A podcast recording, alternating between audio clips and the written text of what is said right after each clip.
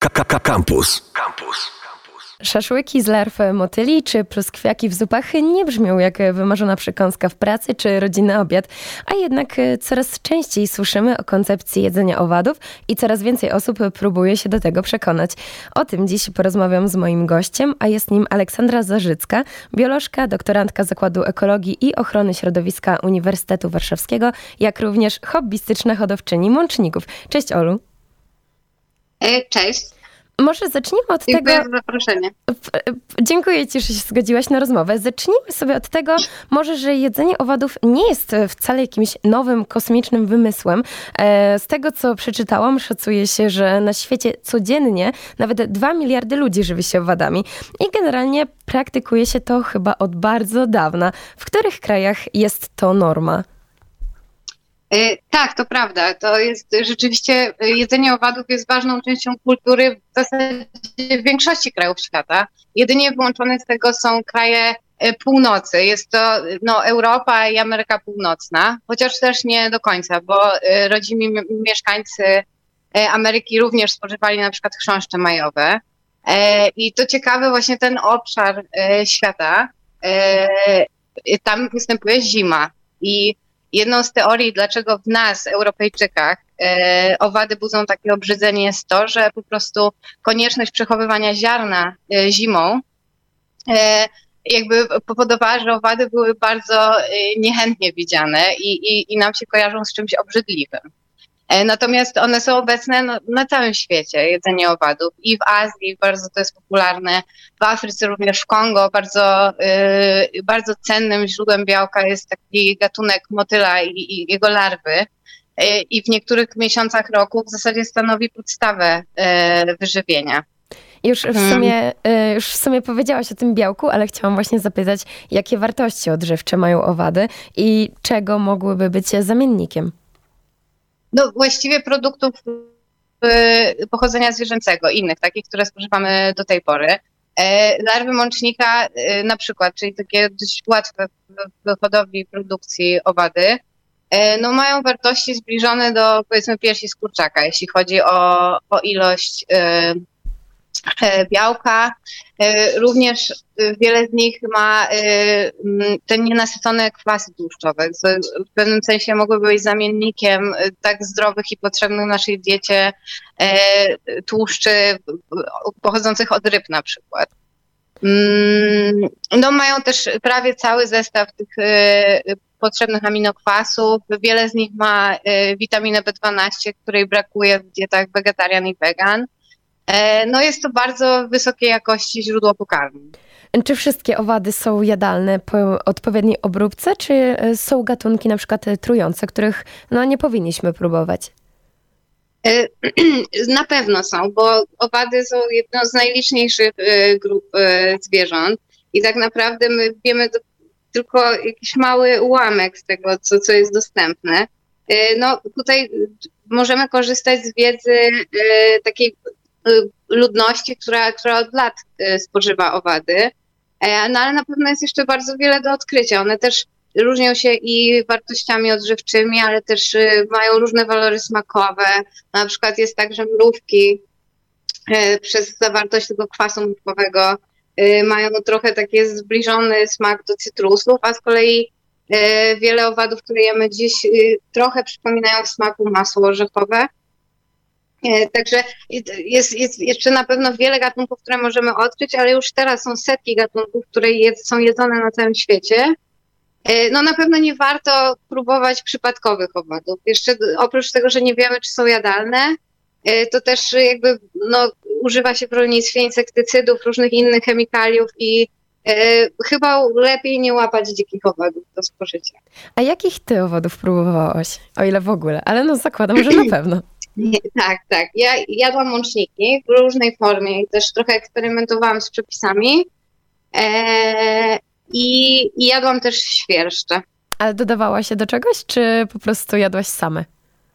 E, jadłam same, z mączników próbowałam zrobić krakersy, e, ale jadłam same, jako taką przekąskę. I jeszcze, jeszcze dużo przede mną eksperymentowania, ale myślę, że w formie takiej zmielonej mączniki są takim wysoko, wysokobiałkowym proszkiem, który w zasadzie można dodać czy do wegetariańskich burgerów, czy do, no nie wiem, ciastek. Jak smakowały? W sensie nie, nie odrzucały cię? Pytam zwłaszcza o te pierwsze razy tego próbowania. E, e, tak, no to, to e, pierwszy raz to w ogóle wydarzył się, myślę, że jakieś 8 lat temu, bo ja tak naprawdę myślę o tym już bardzo długo. Ja zaczęłam hodować owady dość niedawno, bo na początku pandemii, wtedy, kiedy wszystkim się trochę zwolniło wolnego czasu i po prostu zaczęli piec chleb i, i robić różne inne rzeczy hobbystycznie, ja wtedy stwierdziłam, że jest moment, że w końcu sama chcę je hodować. Ale myśląc o tym już 8 lat temu, e, no ja pomysł i jakby logika stojąca za tym bardzo mi odpowiadała, ale pomyślałam, że muszę spróbować, żeby wiedzieć, że dla mnie to jest do przejścia, żeby to zjeść, więc poszłam do sklepu zoologicznego i kupiłam małą porcję świerszczy i mączników, takich karmówki, tak, czyli przeznaczonych do jedzenia dla gadów. E, no i e, no właśnie nie pamiętam, ale nie, nie pamiętam tego jakiegoś, jakiegoś wielkiego wyzwania. No, przyprawiłam wtedy mączniki chyba Zrobiłam je z oliwą i czosnkiem, a większość rzeczy z oliwą i czosnkiem smakuje dobrze i było w porządku. W ogóle gdzieś przeczytałam, że jeszcze wracając do tych wartości odżywczych i witamin, że w osach jest znacznie większa koncentracja witamin niż w niektórych owocach i że o. w różnych krajach dodaje się je na przykład do ciastek. To taka ciekawostka. Radio Campus. Naszym gościem dalej jest Aleksandra Zarzycka, doktorantka Zakładu Ekologii i Ochrony Środowiska Uniwersytetu Warszawskiego. A rozmawiamy o koncepcji jedzenia owadów, która w ostatnim czasie um, trochę się wybiła. Olu, czemu tyle się o tym mówi teraz? Y, właściwie mówi się o tym trochę więcej, mniej więcej od 2013 roku, bo wtedy właśnie Organizacja do Spraw Rolnictwa i Wyżywienia Ludności FAO opublikowała taki raport, w którym właśnie przedstawiła ideę jedzenia owadów i wykorzystania ich jako pokarmu dla gospodarskich, jako właśnie taki środek na ratowanie świata. No i od tego czasu, co jakiś czas y, y, przyznawane są granty różnym startupom, y, trochę jest, wprowadzane są zmiany legislacyjne, które umożliwiają w Europie i w Ameryce Północnej jakby uznanie owadów za, za pokarm dla ludzi.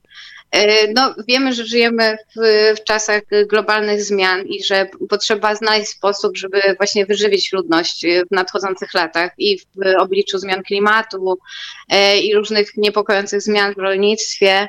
No i dlatego się o tym mówi. Mm. A to w jaki sposób hodowla wpłynęłaby na środowisko, hodowla owadów? No jest wiele takich cech owadów, które powodują, że one naprawdę są świetnym rozwiązaniem na te y, problemy, które nas czekają. Bo tak, mają dużo lepszy taki współczynnik przekształcania pokarmu e, w biomasę, e, bo y, większość zwierząt, które obecnie spożywamy, to są e, zwierzęta stałocieplne. Owady są zmiennocieplne, więc nie tracą energii spożywienia na to, żeby utrzymywać daną temperaturę ciała. Więc to jest jedna sprawa, że one większość pokarmów, które jedzą, przekształcają swoje tkanki. E, poza tym też jest tak, że mm, no na przykład jeśli chodzi o bydło, to y, w zasadzie takiej mm, część tej, tej tuszy, która jest dla nas możliwa do spożycia, to jest jakieś 40%. W przypadku świerszczy 80% owada może być zjedzona przez człowieka. No jest też tak, że wymagają dużo mniej e, wody, no dużo mniej pokarmu, o czym już mówiłam. Mają też potencjał do tego, żeby przekształcać takie strumienie odpadów organicznych z różnych e, jakby e, z, różnych działów przemysłu na właśnie pokarm, który dla nas jest możliwy do wykorzystania. Jeszcze też w czasach pandemii i to jeszcze bardziej się zrobiło widoczne, że dużym zagrożeniem są zoocenozy, czyli e, takie choroby pochodzenia zwierzęcego. I jest tak, że im bliższy ewolucyjnie jest nam gatunek, który spożywamy, e, tym więcej dzielimy z nim e, chorób i pasożytów. I jest bardzo mało takich chorób, które jakby dotykają owady i, i również nam zagrażają. Więc to jest kolejna kolejny powód, dla którego rzeczywiście one są jakimś tam magicznym rozwiązaniem wielu problemów, z którymi się będziemy mierzyć. A potrafisz powiedzieć, ile na przykład ym, kosztowałby nas taki woreczek owadów? Tak orientacyjnie jestem ciekawa, bo e... zakładam, że plusem jest też to, że one, że to mięso, nazwijmy to, byłoby tańsze. Tak, no tak, w teorii jak najbardziej. To jest. Y, ciężko jest mi wyliczyć. No ja w tej mojej takiej przydomowej hodowli, która jest naprawdę zrobiona minimalnym kosztem, e, ja je hoduję na otrębach takich paszowych, które już nawet nie pamiętam, ale to są jakieś minimalne e, kwoty, jeśli chodzi o wyżywienie ich. Jeśli chodzi o źródło wody, to to są jakieś obierki e, warzyw i owoców, które ja sama jem. Um, ale one równie dobrze mogą jeść suchy chleb, który można gdzieś tam tanio kupować albo odbierać z piekarni. Tak? A jak ty kupowałaś na e, przykład owady do spróbowania? E, ja kupowałam, aha, kupowałam właśnie z hodowli, która produkuje karmówkę, czyli te owady dla, dla gadów i wydaje mi się, że to było około 40 zł za litr. One w tej chwili, nie, nie jestem pewna, czy rzeczywiście tak jest, ale to są duże kwoty. Jest tak, że pojawiły się firmy na rynku, które produkują owady już takie przygotowane do spożycia dla ludzi, ale ceny są absurdalne. To jakby trochę muszę skrytykować ten rynek, bo, bo myślę, że dlatego ta rewolucja nie ruszyła, bo po prostu y, zwykły człowiek nie ma możliwości, może spróbować, tak? Może kupić 15 gramów larw za 20 złotych i może spróbować i uznać, że to jest coś dla niego, natomiast jeśli chciałby w ten sposób się żywić, to nikogo na to nie, nie stać. To, no i to jest, to jest duży problem i to jest to, co powstrzymuje tę rewolucję, że z jednej strony jest y, popyt i jest zainteresowanie i dużo się o tym mówi, ale w ogóle nie ma podaży. E, bo chyba uznaliśmy, że chcemy zrobić to w ten sam sposób, jak teraz hodujemy świnie, hodujemy krowy, czyli nastawić to na maksymalizację produkcji, uzależnić to od paliw kopalnych, robić to w wielkich halach, y, dużymi jakby środkami, y, ze specjalnym oświetleniem, kontrolą warunków i tak dalej, ale naprawdę hodowla tych mączników nie wymaga tego wszystkiego. Ja, ja jakby trochę to, co ja chciałabym powiedzieć ludziom, to to, że to jest naprawdę proste i każdy potrafi to zrobić. I wydaje mi się, że żeby rzeczywiście to mogło ruszyć, E, to powinniśmy, jest na pewno garstka ludzi, którzy są skłonni hodować je u siebie w domu. Tak jak są skłonni hodować warzywa w przydomowym ogródku, tak, tak samo wydaje mi się, że żeby rzeczywiście mogło to ruszyć, to musi być e, podaż, więc musi być, ktoś musi je rzeczywiście produkować i moim zdaniem droga nie jest poprzez wielkie hale i wielkie dotacje. No jest firma, która dostała z Senderu chyba 26 milionów E, złotych na rozwój właśnie produkcji białka owaciego, a wydaje mi się, że to w ogóle nie jest konieczne. Wydaje mi się, że musi ruszyć oddolna rewolucja i więcej ludzi powinno hodować owady u siebie w domu. To powiedzmy od razu, jak to zrobić i jakie warunki powinniśmy mieć w domu? Czy to są jakieś specjalne warunki, specjalne, nie wiem, jakieś, no niekoniecznie klatki, ale e, w czym w mhm. ogóle możemy hodować? Czy... Dobra. Mm, jak to wygląda u ciebie i jak to wygląda w, jakby w innych gatunkach? Y, tak, no wydaje mi się, że najłatwiejszym i od tego gatunku powinniśmy zacząć, y, to jest mącznik, czyli taki chrząszcz, y, który tak, nie potrzebuje za bardzo oświetlenia, bo najlepiej mu jest w ciemności. Dorosłe formy mają zrośnięte pokrywy skrzydłowe, co znaczy, że nie mogą uciec i odlecieć. Nie za bardzo potrafią wspinać się po plastikowych ściankach pojemników, więc naprawdę ryzyko, że taka populacja rozejdzie się do, po domu jest minimalne. I moja hodowla y, jest umieszczona w takiej tekstylnej szafce na buty, która kosztowała 50 zł na Allegro. E, I ma tam, nie wiem, sześć chyba półeczek. I na tych półeczkach są e, plastikowe pudełka z Ikei.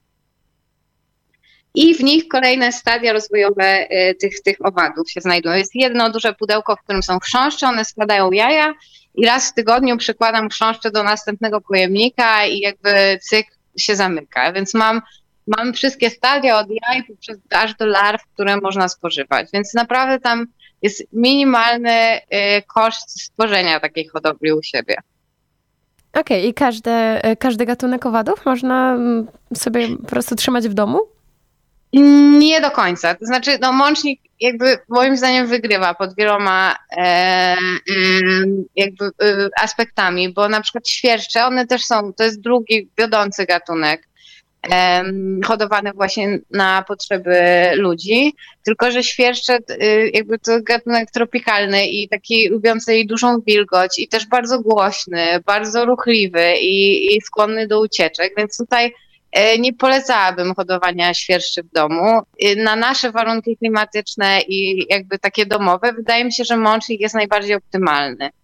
E, oczywiście można eksperymentować z innymi, ale tutaj już, już pewne e, praktyki są wypracowane e, i to po prostu działa i jest, mało wymaga mm, zachodu i, i też środków. Ola, to y, tak już na koniec. Y, czy myślisz, że za parę lat będziemy mogli y, właśnie obok półki z mięsem w sklepie normalnie znaleźć owady? Czy ta nasza europejska mentalność jednak trochę potrzebuje więcej czasu, żeby się do tego przekonać, no bo sama powiedziałaś, że gdzieś mówi się o tym już od około 8 lat, a jednak jakby nic się z tym nie robi. Znaczy, no ja bardzo liczę na to, że, że tak się stanie i właśnie myślę, że droga jest tutaj nie przez y, startupy i, i wielką kasę wkładaną właśnie w jakieś pojedyncze firmy, e, tylko e, tylko właśnie poprzez edukowanie ludzi, mówienie o tym, o tych wszystkich zaletach i o tym, że to nie jest trudne, e, nawet samemu wyprodukować to. Mm, I tutaj może pocieszająca jest taka historia, e, ciekawostka, no bo homary obecnie kosztują bardzo dużo i są uznawane za taki ekskluzywny e, produkt. Natomiast jeszcze jakoś tam pod koniec XIX wieku w Nowej Anglii zdarzały się bunty e, na przykład więźniów, e, dlatego że za często podawano homara. On też był uznawany za takie no, najgorsze możliwe jedzenie i po tych wszystkich buntach uznano, że podawanie zbyt często homara jest taką niewspółmierną i niehumanitarną karą. Więc ja sądzę i mam nadzieję, że, że podobnie się stanie z owadami, że z, z pokarmu, który budzi nasze obrzydzenie, stanie się czymś normalnym, a wręcz czymś no, fajnym. Przeczytałam gdzieś, że w krajach Ameryki Południowej można znaleźć pieczone mrówki, które podaje się w kinie zamiast popcornu na przykład. No właśnie. E, jeśli e, kogoś to zainteresowało i chcielibyście posłuchać więcej, no to dziś Ola prowadzi swój webinar. E, tak, on odbędzie się dzisiaj o 19. E, wiadomości na ten temat, tutaj też chciałam trochę zareklamować e, koło naukowe, które pomaga mi zorganizować ten, ten webinar.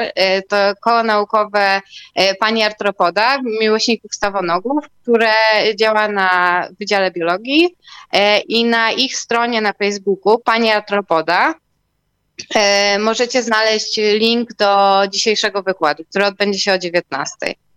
E, wejście jest, nie, nie trzeba żadnych zapisów, wejście jest bezpłatne, tak?